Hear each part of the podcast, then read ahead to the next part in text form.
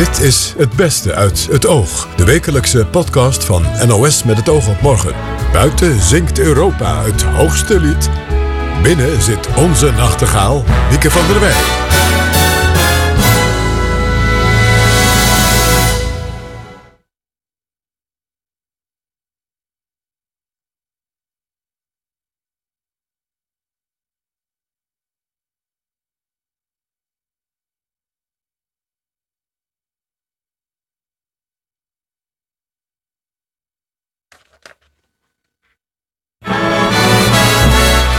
Dit is Het Beste uit het Oog. De wekelijkse podcast van NOS met het oog op morgen.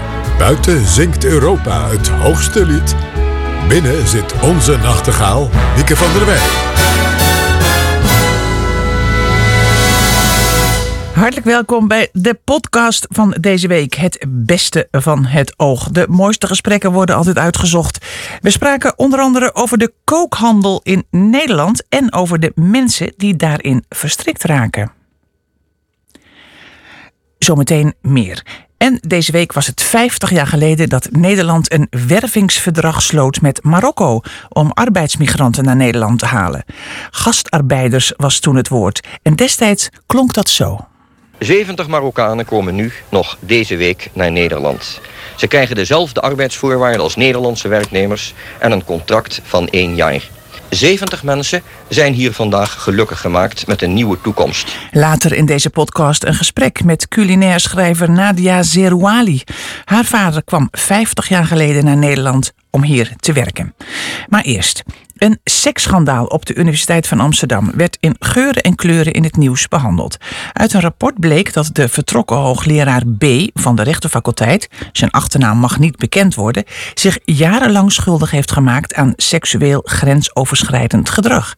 Herman van der Zand sprak met André Nolkamper de decaan van de faculteit der rechtsgeleerdheid. En die is geschokt door de feiten in het rapport en is meteen in actie gekomen.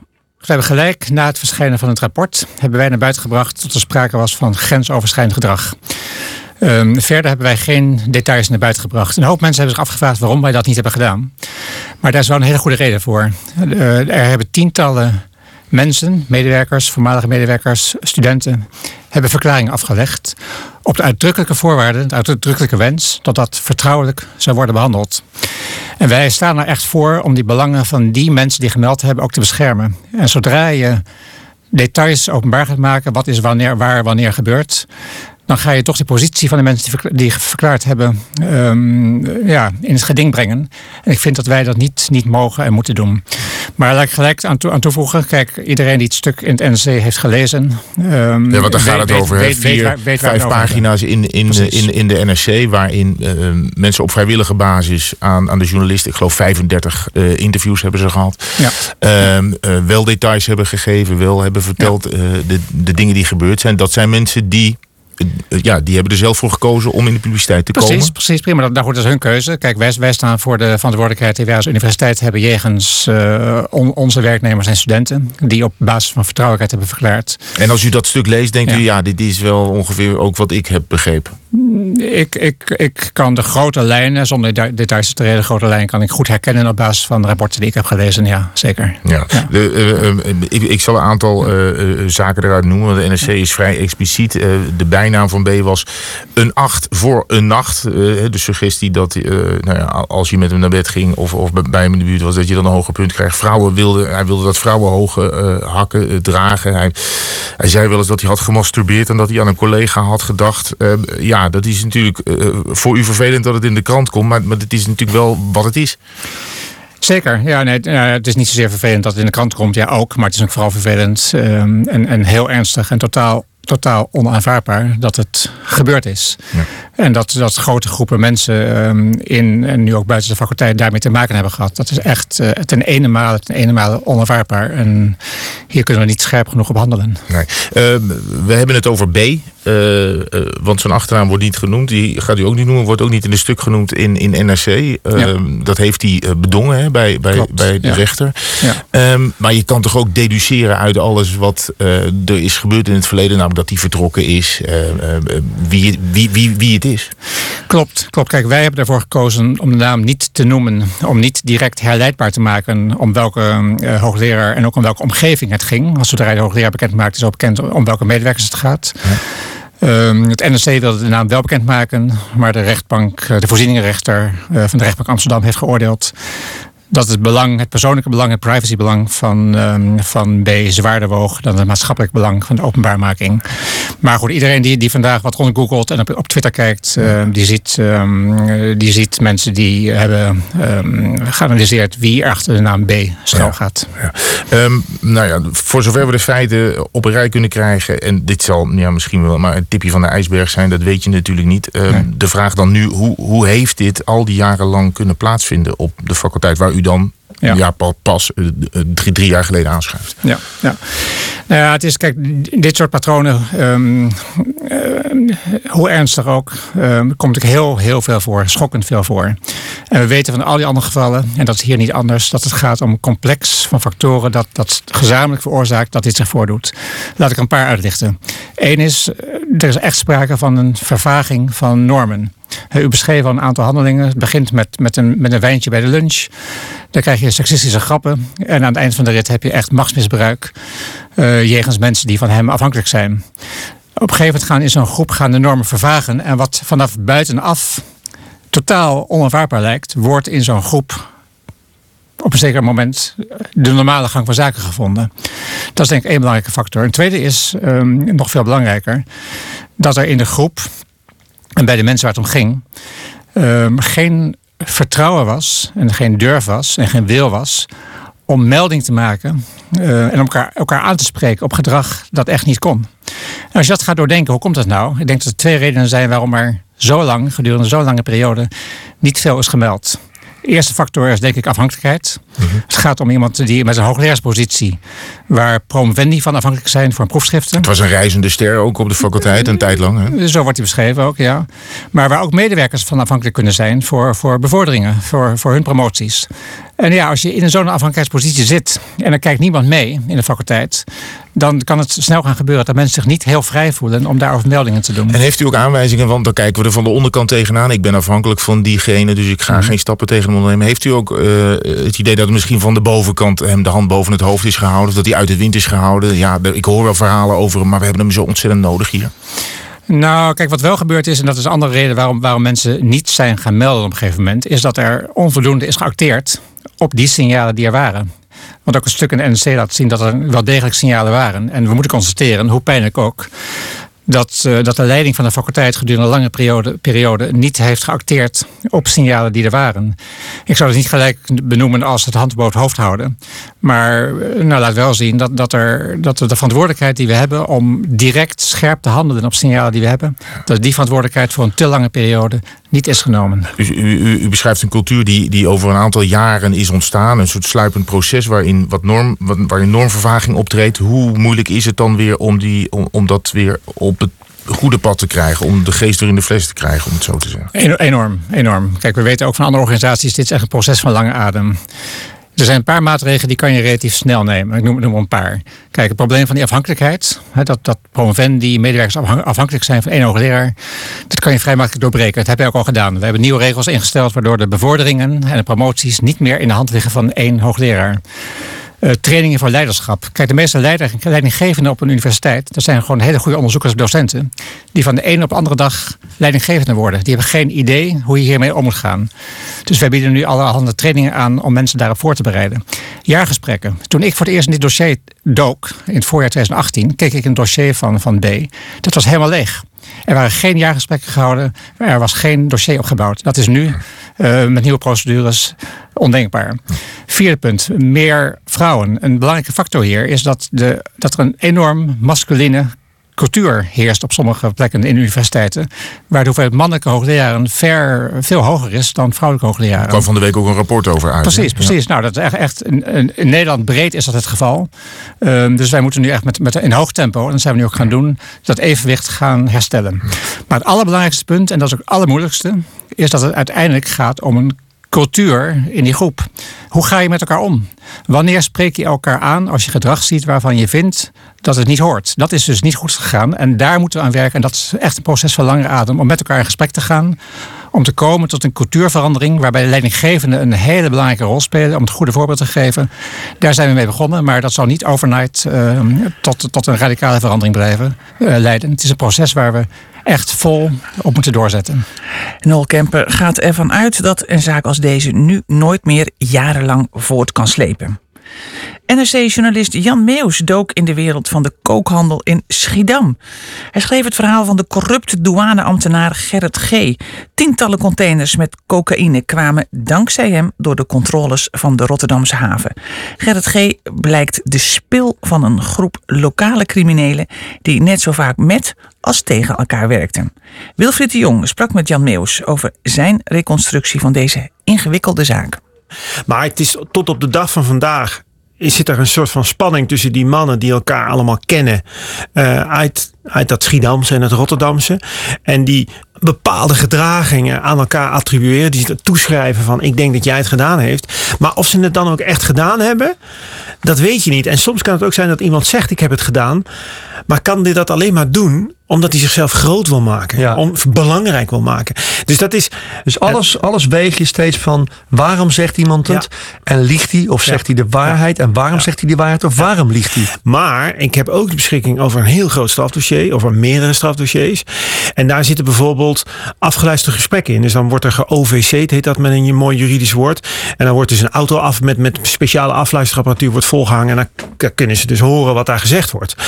En dat zijn zeg maar momenten dat die mensen onder elkaar om onbespied. Ze ja. wanen zich onbespied. Ja. En dan ben je natuurlijk geneigd om een ander verhaal te vertellen. Dus dat jij weet dat er iemand meeluistert. Of dat jij zeg maar, strategisch aan het praten bent. Ja, als we nou die, die, die douanier eens even in het centrum zetten. Mm. Hè? Uh, want mm. dat staat hij toch uh, nadrukkelijk. Ja, dus douanier die is gewoon keurig aan het werk. Die verdient 30, 40.000 euro per ja. jaar. En die moet controles doen. Gerrit Groenheide. Geen besluit. Hij zegt ik ga een kringloopwinkel beginnen. Is hij dan nog de goede trouw op dat moment? Of is hij daar al bezig om een dekmantel te maken? Nee, dat is volgens mij, hij, hij, hij zegt van niet. Maar nee. ik denk dat, daar, dat hij daar op dat moment bezig is om een dekmantel te maken. En dan, je ziet dat ook aan de geldstroom, want dat heeft de, de recherche achteraf allemaal heel precies gereconstrueerd. En dan zie je gewoon, die winkel die gaat open. Uh, zijn, zijn, zijn partner is een gast die in Katwijk een, een koffieshop heeft geëxporteerd, uh, geëxporteerd en ook een, een stevig strafblad had. En dan zie je dat er door die tweedehands winkel gaat allemaal geld heen. Waarvoor geen nauwelijks verklaring is. Nee. Dus je kunt niet zeggen dat je voor een oud bankje wat je even voor, voor niks op de kop tikt. 50.000 euro kan, nou, kan naar binnen halen. Dat is het probleem. Kijk, wat hij dan, wat hij, hij meet zich dan een levensstijl aan. Dus hij, weet je, hij, hij, hij wordt gedwongen naar zijn eigen zeggen om op een gegeven moment mee te gaan werken met die criminelen. Nou, dat, dat doet hij dan een periode. En dan binnen een jaar, dan koopt hij op een gegeven moment een nieuwe auto van, uh, van 50.000 euro. Uh, ja, dat is een heel jaarsalaris. Ja. Nou goed, ik weet niet hoe het met jou zit, maar als ik mijn heel jaar salaris aan een auto besteed, dan kan ik niet meer eten. uh, dus, en dan kan ik de hypotheek niet meer betalen. Dus weet je, dat is gewoon. Dus daar, daar gebeuren allemaal dingen waarvan je gewoon kan zien ja. dat dat klopt gewoon niet. Want die bedragen zijn absurd, hè? Die zich in dat havengebied afspelen onder corruptie. Ja, ja dat, dat, kijk, je, je moet voorstellen, uh, Gerrit kreeg 7,5% van de waarde van een, van een partij cocaïne die hij doorliet.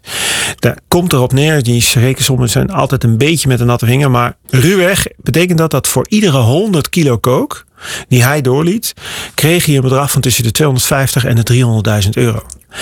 Als je dan bedenkt dat de schattingen zijn van de insiders in deze groep, dat zij 7000 kilo cocaïne hebben gedaan. Nou, doe de math. Dat, dat zijn waanzinnige bedragen. Nou, wat er dan ook weer gebeurde, dan zeiden ze tegen Gerrit van, joh, er zit 300 kilo in. Er zat er 3000 kilo in. Dus ja. Gerrit werd ook verneukt waar hij bij stond. Ja. Uh, en dat is, ja, dat is ook zeg maar, de, nou, nou zegt hij op een gegeven moment, dat zegt hij ook gewoon weer, ah, weet je, ze maken allemaal ruzie en ze maken me gewoon de gek. Weet je wat, het kan me allemaal. Ik ga gewoon lekker geld verdienen. Vier maanden later zit hij vast. Ja.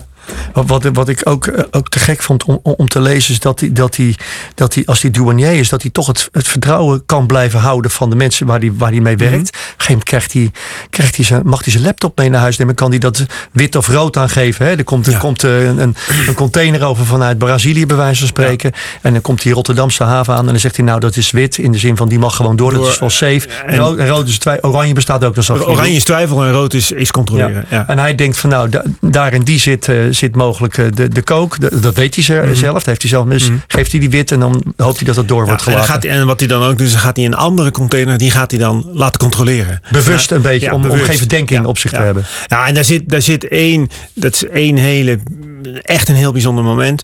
Gerrit zijn vrouw is ernstig ziek. Zij is ook gedurende dit proces overleden. Eh, en dat is op zich gewoon een, een tragisch verhaal voor die vrouw. Maar op de dag dat hij zijn baas belt met van joh, we hebben slecht nieuws gehad vandaag. Want die tumor die in haar hoofd zit, die is gegroeid en eh, het gaat niet goed. Diezelfde dag pakt hij dus dat laptopje. En dan gaat hij dus op wit zetten wat op rood had moeten worden gezet en omgekeerd.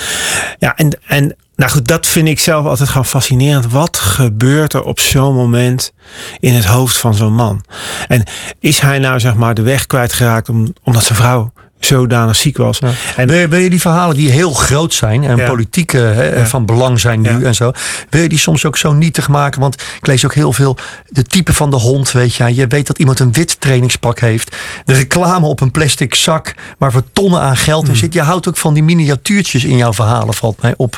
Dat doe je bewust. Ja, dat, nou ja, omdat, omdat, kijk, wij zijn geneigd om, zeg maar, die grote enge onderwereld heel ver van ons weg te houden. Want dat is iets waar je niet bij wil horen, daar wil je niks van weten. Maar het zijn ook gewoon allemaal mensen. En als er een crimineel wordt doodgeschoten, dan heeft die crimineel een kind. En dat is misschien wel een fout, fout mens, maar die, die zoon of die dochter, die houdt gewoon van papa. Ja. En het is ook altijd wel goed om je dat te realiseren. En ja, er zijn slechte mensen in de onderwereld. Maar er zijn ook mensen die een keer een fout maken en die erin verzeild raken en er nooit meer En uitkomen. je kunt er niet meer uit. Dat voel je ook Ja. heel sterk. Je zit Ja. erin en zie er maar eens uit te komen. En dat is ook, dat, dat is dus ook bij die, bij die Gerrit, die wil dus op een gegeven moment, dan krijgt hij wel in de gaten, ik moet eigenlijk stoppen. Maar dan, eh, dan heeft hij ontslag genomen en dan krijgt hij gewoon te horen, ja maar, jij moet terug, want dat pikken wij niet. ja. En dan, wees dan maar sterk genoeg om dat niet te doen. En hoe groot is die dreiging dan? En als er dan om jou heen veel geweld is en iemand gaat tegen jou zeggen van, ik weet waar je kinderen wonen of eh, Ja. eh, ik weet waar je ouders Dan ga je zitten. maar weer door. Ja, dan wat doe je dan? Dus, Ja. dat, dat, dus dat, ja, god, dat is gewoon heel moeilijk. En wat ook zo werkt is, criminelen, zeg maar de hele goeie en soms ook de hele gemene, die zijn perfect in staat om in zo'n heel complex douanesysteem de zwakke schakel te vinden Ja. en daar misbruik van te maken. Ik, ik heb in je boek twee keer gelezen, volgens mij, misschien wel drie keer. Eh dan schrijf je dat het Nederlands gedoogbeleid, als het om drugs Mhm. gaat, dit soort praktijken in de hand werkt. Van vroeger al. Dat we makkelijk omgaan met Mhm. Ja. ach, een beetje hash in een zaak onder de toonbank. Ach, dat geloof je echt? Dat gedoogbeleid heeft ertoe geleid dat ja, je mocht wel hash roken. Je mocht wel kopen in een koffieshop, maar die koffieshop, die mocht het niet inkopen. Ja, daar zit gewoon, dus dat heeft een illegale markt gecreëerd. Ehm, en dat is ook de basis geweest. Die hashhandelaren, die zijn op een gegeven moment, ja, die, met hash van stepping stone van hash naar, naar ecstasy, naar cocaïne. met Naar, cocaïne kan je veel meer verdienen dan met hash. Dus als je op een gegeven moment, dat, deze mannen zijn ook gewoon, dit zijn ook gewoon handelaren. Je moet de drugsmokkel ook gezien als een bedrijfstak. Je moet er economisch naar willen kijken. Ja. Want het is niet alleen maar slecht. Die mensen zeggen gewoon, ik bedien de markt. Er is vraag naar. Als ik niet doe, doet de ander het. Hoe ingewikkeld het ook lijkt. Uiteindelijk is ook de cocaïnemarkt dus simpelweg een kwestie van vraag en aanbod. De band tussen hulphonden en hun baasjes gaat diep. Daar gaat de documentaire Buddy over. Deze week eh, was die op de televisie te zien. Ik sprak met Erna Aarsen, die ook afhankelijk is van een hulphond. En zij vertelde me over haar steun en toeverlaat. Het is een golden doodle. Een kruising tussen een golden retriever en een koningspoedel. Oh, en die, die kunnen heel goed van alles leren? Eh, nou, in principe eh, zoeken ze de honden heel goed uit al als ze een week of zes zijn. Om te kijken welke taak ze het beste kunnen doen. En kijken wat voor mij een goede hond. Hij is rustig, heel leergierig en doet alles ook heel voorzichtig. Wat voor mij in verband met mijn pijn ook heel prettig is. Ja, want wat, wat, wat heeft u, als ik vragen mag? Eh, ik heb sclerodermie en daardoor functieverlies en ook hevige vermoeidheid, waardoor Keiko ook heel veel taken voor mij overneemt, die als ik die zelf zou doen, mij heel veel energie zouden kosten. En nu heb ik energie over om wat andere dingen te doen. Ja, we gaan even luisteren naar een fragment uit de film. Goed zo, mannetje. Keiko, push. Goed zo, keurig. Moet nog even mijn broek uittrekken. Zie je? Op. Broek, achteren. Ja. Goed zo. Dekbed. Ja, dankjewel, mannetje. Ja, een hond die je broek uittrekt. Dat klinkt, Ja. dat klinkt, klinkt eigenlijk best grappig. Ik heb de film gezien, maar ik hoor nu het fragment zo zonder beeld. Want dat gebeurt inderdaad. Kaiko helpt u met uitkleden. Kijko zien- helpt me ja. met uitkleden, met medicijnen geven, met mij omdraaien in bed, met spullen pakken, met deuren openmaken, met alle handelingen die ik zelf niet kan. Ja, maar hoe doet hij dat dan, u omdraaien in bed? Eh, hij trekt ter hoogte van mijn heup trekt hij aan mijn nachthemd en draait hij mij om. Om 1, 3 en 5 uur komt hij standaard kijken of ik op mijn buik lig. En als ik op mijn buik lig, draait hij me om.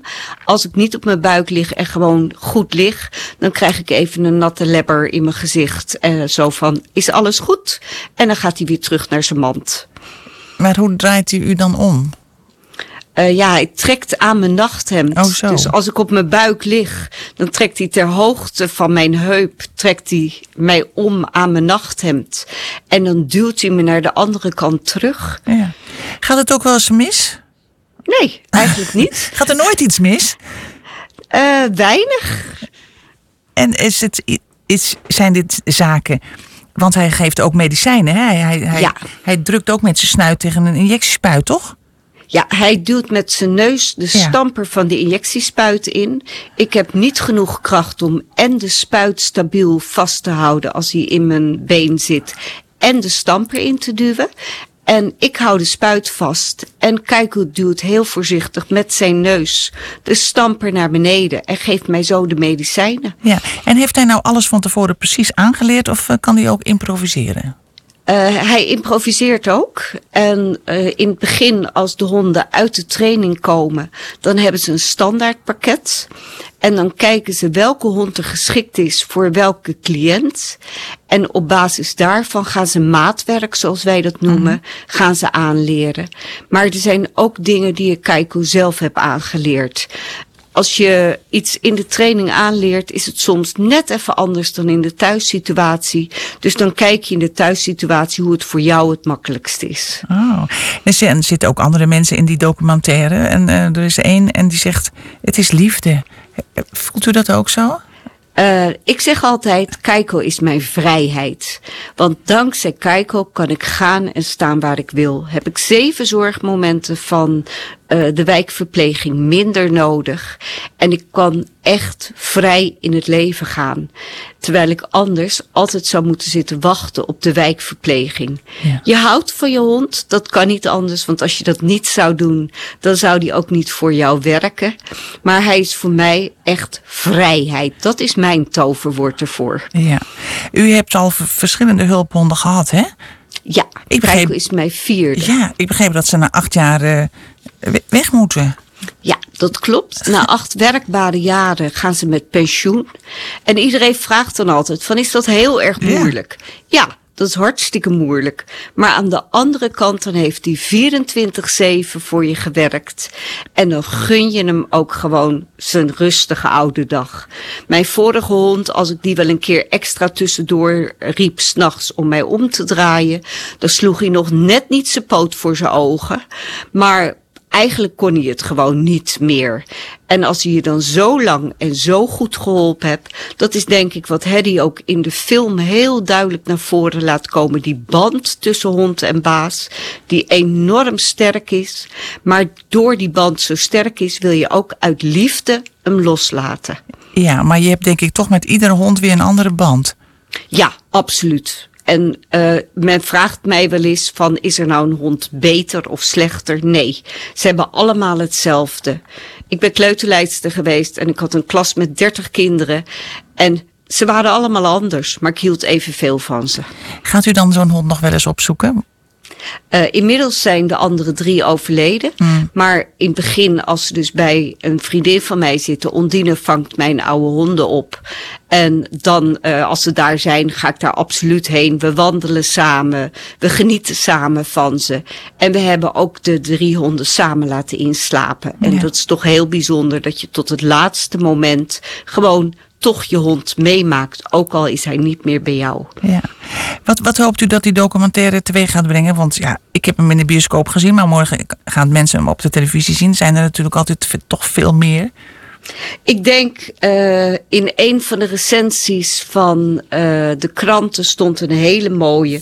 Het is een ode aan de vechtlust van hoofdpersonen en een liefdesportret van de diepe band tussen hond en baas. Ja. En ik hoop dat met de film mensen gaan zien dat de verschillende soorten honden die in deze film zitten, een blinde geleidehond, een jongetje met autisme, eh, een ADL-hond, een PTSS-hond voor een militair die met een posttraumatisch stresssyndroom uit de oorlog is gekomen. Dat de verschillende banden met de hond heel duidelijk wordt.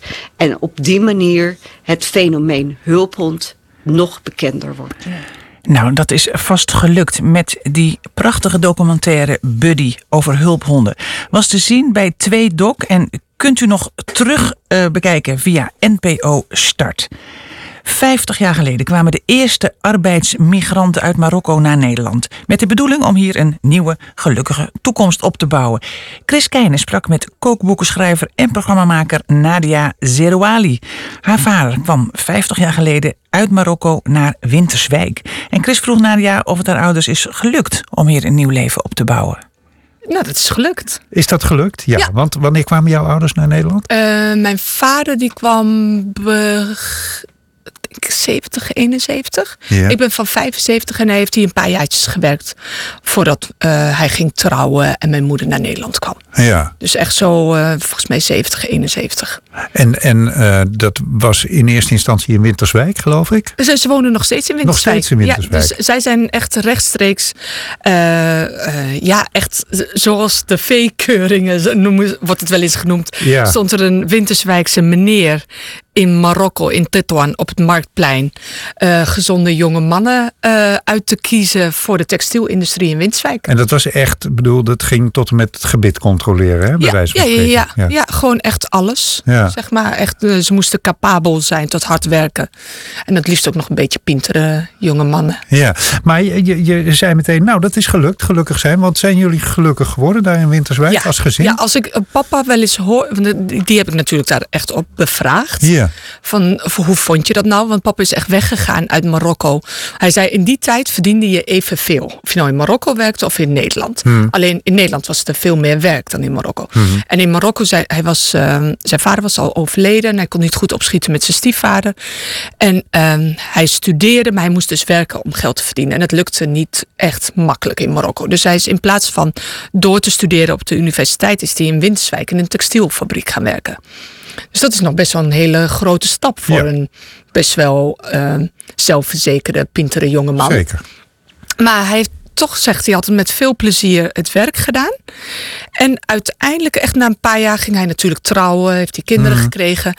En papa, die, ja, tot de dag van vandaag, voelt hij zich echt winterswijker. En hoe voel jij je? Voel jij je ook Winterswijk? Was, Ja. Heb je goede herinneringen aan Winterswijkse gemeenschap? Hoe het ging op school en in ja, de buurt? Echt, en... echt zeker. Ja, ik heb meer dan warme herinneringen aan Winterswijk. Ik, heb, ik, ik vind zelfs eigenlijk dat ik kan zeggen dat ik ben wie ik ben. Eh, zeg maar een geslaagd mens. Met al mijn fouten en eh, goede karaktereigenschappen. Maar die, eh, dat, dat komt dankzij de opvoeding van mijn ouders. Maar ook echt dankzij Winterswijk. Want wat heeft Winterswijk daaraan bijgedragen? Uh, Winterswijk was bijvoorbeeld een hele warme gemeenschap, maar zonder de controlerende, dogmatische dingen van zo'n grote stadswijk. Mhm. Waar ze vroeg, weet je wel, in Amsterdam-West, alle Marokkanen in Geuzenveld. Ja, ja, ja. ja. Weet je, dat hebben ze natuurlijk in Winterswijk niet gedaan. Ik ben Nee. echt opgegroeid als enige Marokkaanse gezin. Altijd het enige Marokkaanse meisje eh, op de basisschool. Het enige Marokkaanse meisje op de middelbare school. En dat geeft iets van, ik ben gewoon een Winterswijkse. Alleen heb ik krulletjes haar. ja, ja. En waar woon je nu? In Almere. En eh, hoe gelukkig ben je daar? Ik moet heel eerlijk zeggen, ik ben altijd best wel een beetje zuur geweest over Almere. En mijn oppasoma heeft ooit tegen mij gezegd, maar waarom eigenlijk? Want je hebt alleen maar leuke buren en ik heb echt een fantastisch oppasgezin. Anders had ik hier helemaal niet kunnen zitten met een zoon van 14. Want die slaapt daar, die wordt daar onder controle gehouden, zeg maar. Maar eh, nee, de- het is daar fijn. Ik woon in Almere Haven en ik kan niet anders zeggen dan gezellig. Maar ik ga nog steeds naar huis, naar Winterswijk. Ja.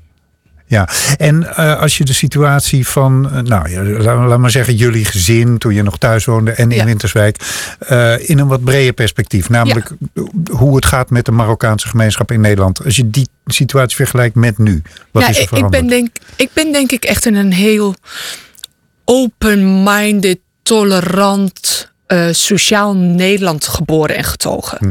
Ik denk dat we daar echt wel. Dat we kunnen zeggen dat de maatschappij harder is geworden, individualistischer. En dat merk je juist als je een minderheid bent. Hm. Toen ik opgroeide was het echt alleen maar leuk dat ik krulletjes haar had. Hm. Dat mijn moeder een hoofddoek droeg was geen probleem. Ik woonde in een straat met huurwoningen in het begin. En uh, een bospaadje over, daar woonde de burgemeester in een villa. Dus we woonden echt door elkaar heen. En mijn uh, scheikundeleraar heeft ook aan mij gevraagd van wie ben Noede Enne. Hm. Want dan vroeg hij aan alle scheikundeleraars die nieuw bij hem in de klas kwamen. En hij keek niet zo van dat is een meisje met donker haar, die heet Nadia Zerouali. Dat kan niet dat ik haar ouders heb lesgegeven. Maar wordt er, wordt er anders nu naar jouw kinderen ja, gekeken? Ja, mijn zoon van 14 nu. Een paar jaar geleden kwamen zijn rugbymaatjes erachter dat hij Marokkaans is. Hm. Ze waren in shock. Ben jij een Marokkaan? Nee. En dan heb ik zulke kleine kinderen die daar eigenlijk nog niks van af horen te weten. En hm. die hadden toch al een vooringenomen beeld van de Marokkaan. Hm. En dat is wat anders dan in mijn tijd. Toen was een Marokkaan iemand met lekker eten. En wanneer heb je dat zien veranderen? Nou, na, na 9-11 kunnen we het echt rustig zeggen. Hmm. De Wilders-uitspraken van nog een paar jaar later. Uh, Forum van de Democratie. Weet je, we zien het. Ik moet heel eerlijk zeggen dat ik het zie verslechteren in plaats van beter worden. Je wil voel je het ook? Merk je het ja, zelf? ik voel het echt. Ja, ik, ik, voel het aan mezelf dat ik me toch meer Marokkaans voel dan ooit. Hmm. Wat echt raar is, want Marokko is mijn oma-land. Weet je, mijn vader en moeder wonen hier. Ik ben hier geboren. Dus het is echt best wel ver weg eigenlijk. Zie je dat ook bij andere Marokkanen? Dat ze zich ook meer Marokkaans gaan gedragen misschien ja. in bepaalde opzichten? Ja, nou ja, je ziet het aan de jongere generatie. Mijn generatie vrouwen heeft bijna geen hoofddoek op. De jongere generatie van mijn jongste zusje, die heeft een hoofddoek op. En dat zie je veel meer. En ik denk dan altijd, is het nou per se zo religieus? Of is het, als ik geoutcast word, dan zoek ik een nieuwe zal groep ik het om eens laten bij te zien horen. ook. Ja. Ja, of ik zoek een nieuwe groep om bij te horen. Ja. En als jullie mij dan niet willen, want ik accepteer het ook niet als je mij een, uh, een Hollander noemt. Weet je wel? Ik, zeg, nou, nee, ik ben ook een Marokkaan. Ja. ja, maar als, ik zie het niet aan je dat je een Marokkaan bent. Ja, maar ik ben het wel. Hetzelfde als dat je zou zeggen... Uh, ik zie niet dat je een vrouw bent. Nou, ik wil graag gezien worden als vrouw. Niet alleen maar als mens. En wat ben je uiteindelijk? Een of een Marokkaan? Een Winterswijkse? Ja, ja, ja, ja. Een echte, echte. Ja. ja. En ook niet minder dan dat. Ik vind mezelf ook echt een Nederlander plus. Mm -hmm. Nederlanders, ne Nederlander plus Marokkaanse. Ja. Of plus Winterswijkse. Nee, gewoon Nederlands is mijn Marokkaans en Winterswijk zijn. Die combinatie in, in al haar vormen en facetten, dat is mijn, wie ik ben. Dat is die Winterswijkse. En daar hoort ook uh, Marokkaans deel bij. Maar om te zeggen wie ik ben, dan ben ik eerder een Nederlander plus dan een Marokkaan of half-half. Of al dat soort onzinnige termen. En om de moeilijkste vraag uh, kort aan het eind beantwoord te krijgen. Komt het, komt het weer goed? Gaan we weer terug naar dat tolerante Nederland? Ja. Zie je dat gebeuren? Ja. Ik denk dat de grote, grote gemeenschap, de grote meerderheid in Nederland dit helemaal niet fijn vindt. En dat niet gaat accepteren dat het nog slechter wordt. Dankjewel, Nadia Zerouali. Een Nederlander plus. Ik vind het een mooie term. We eindigen deze week feestelijk. In het oog mochten we een bijzondere prijswinnaar bekendmaken. Voor radiomakers is de zilveren reismicrofoon de belangrijkste radioprijs. En af en toe wordt er ook een ere zilveren reismicrofoon uitgereikt. In de uitzending van Wilfried de Jong, dinsdag was dat, maakte juryvoorzitter Vincent Bijlo bekend wie dit jaar de eer toekomt. Felix Mullers. Tetteretet, we hebben geen muziek. Ik doe maar even trompet. Felix Mullers uh, is op dit moment volgens mij op vakantie in Griekenland en hoort ons waarschijnlijk. Goedenavond Felix. Goedenavond Winfried, wauw. Ja, jij wist dit niet hè? Ja, je wist dat je aan de telefoon moest staan, maar wat, waarvoor wist je niet? Echt, eerlijk niet. Ik wist, ik wist ja, er werd mij gezegd, er kwam een leuke mededeling, maar ja, dat kan van alles zijn natuurlijk. Ja. Maar je hebt de ere zilveren reismicrofoon gewonnen. Ik ben verbaasd. Ik ben vereerd. Uh, mijn, mijn, mijn, dank is groot. Ik, ik lig bijna op mijn knieën hier op het terras. Dat bijna aan het leeglopen is. Uh, ja, maar, maar dat was de enige... Echt, je hebt hem ook echt verdiend, Felix. Want je bent 100 jaar bestaat de radio. Jij bent er al 55 jaar op. In 1964 bij Mignon begonnen. Radio Luxemburg 3, 2, 1. Rode Haan gedaan. Spijkers met koppen gedaan. Man, dat is, je bent een monument gewoon, echt waar. Vincent, dat heb je goed uitgezocht. Ik had eerlijk gezegd niet het idee dat ik al zo lang bezig ben. Maar eh, ik vind het nog altijd heel erg leuk werk. En ik, sorry dat ik je daar zo op druk met die feiten. Een waanzinnige eer. Eh, en ik, ik bedank de juryvoorzitter en de jury die mij eh, dit, dit, dit, de- deze prachtige prijs eh, hebben ten deel laten vallen. Nou, Felix Meurders, het is je van harte gegund. Ik heb veel van je geleerd. En ik weet uit ervaring hoe leuk het is om genomineerd te worden voor die zilveren reismicrofoon. Meer zeg ik niet. Dit was het weer. Bedankt voor het luisteren. Dag.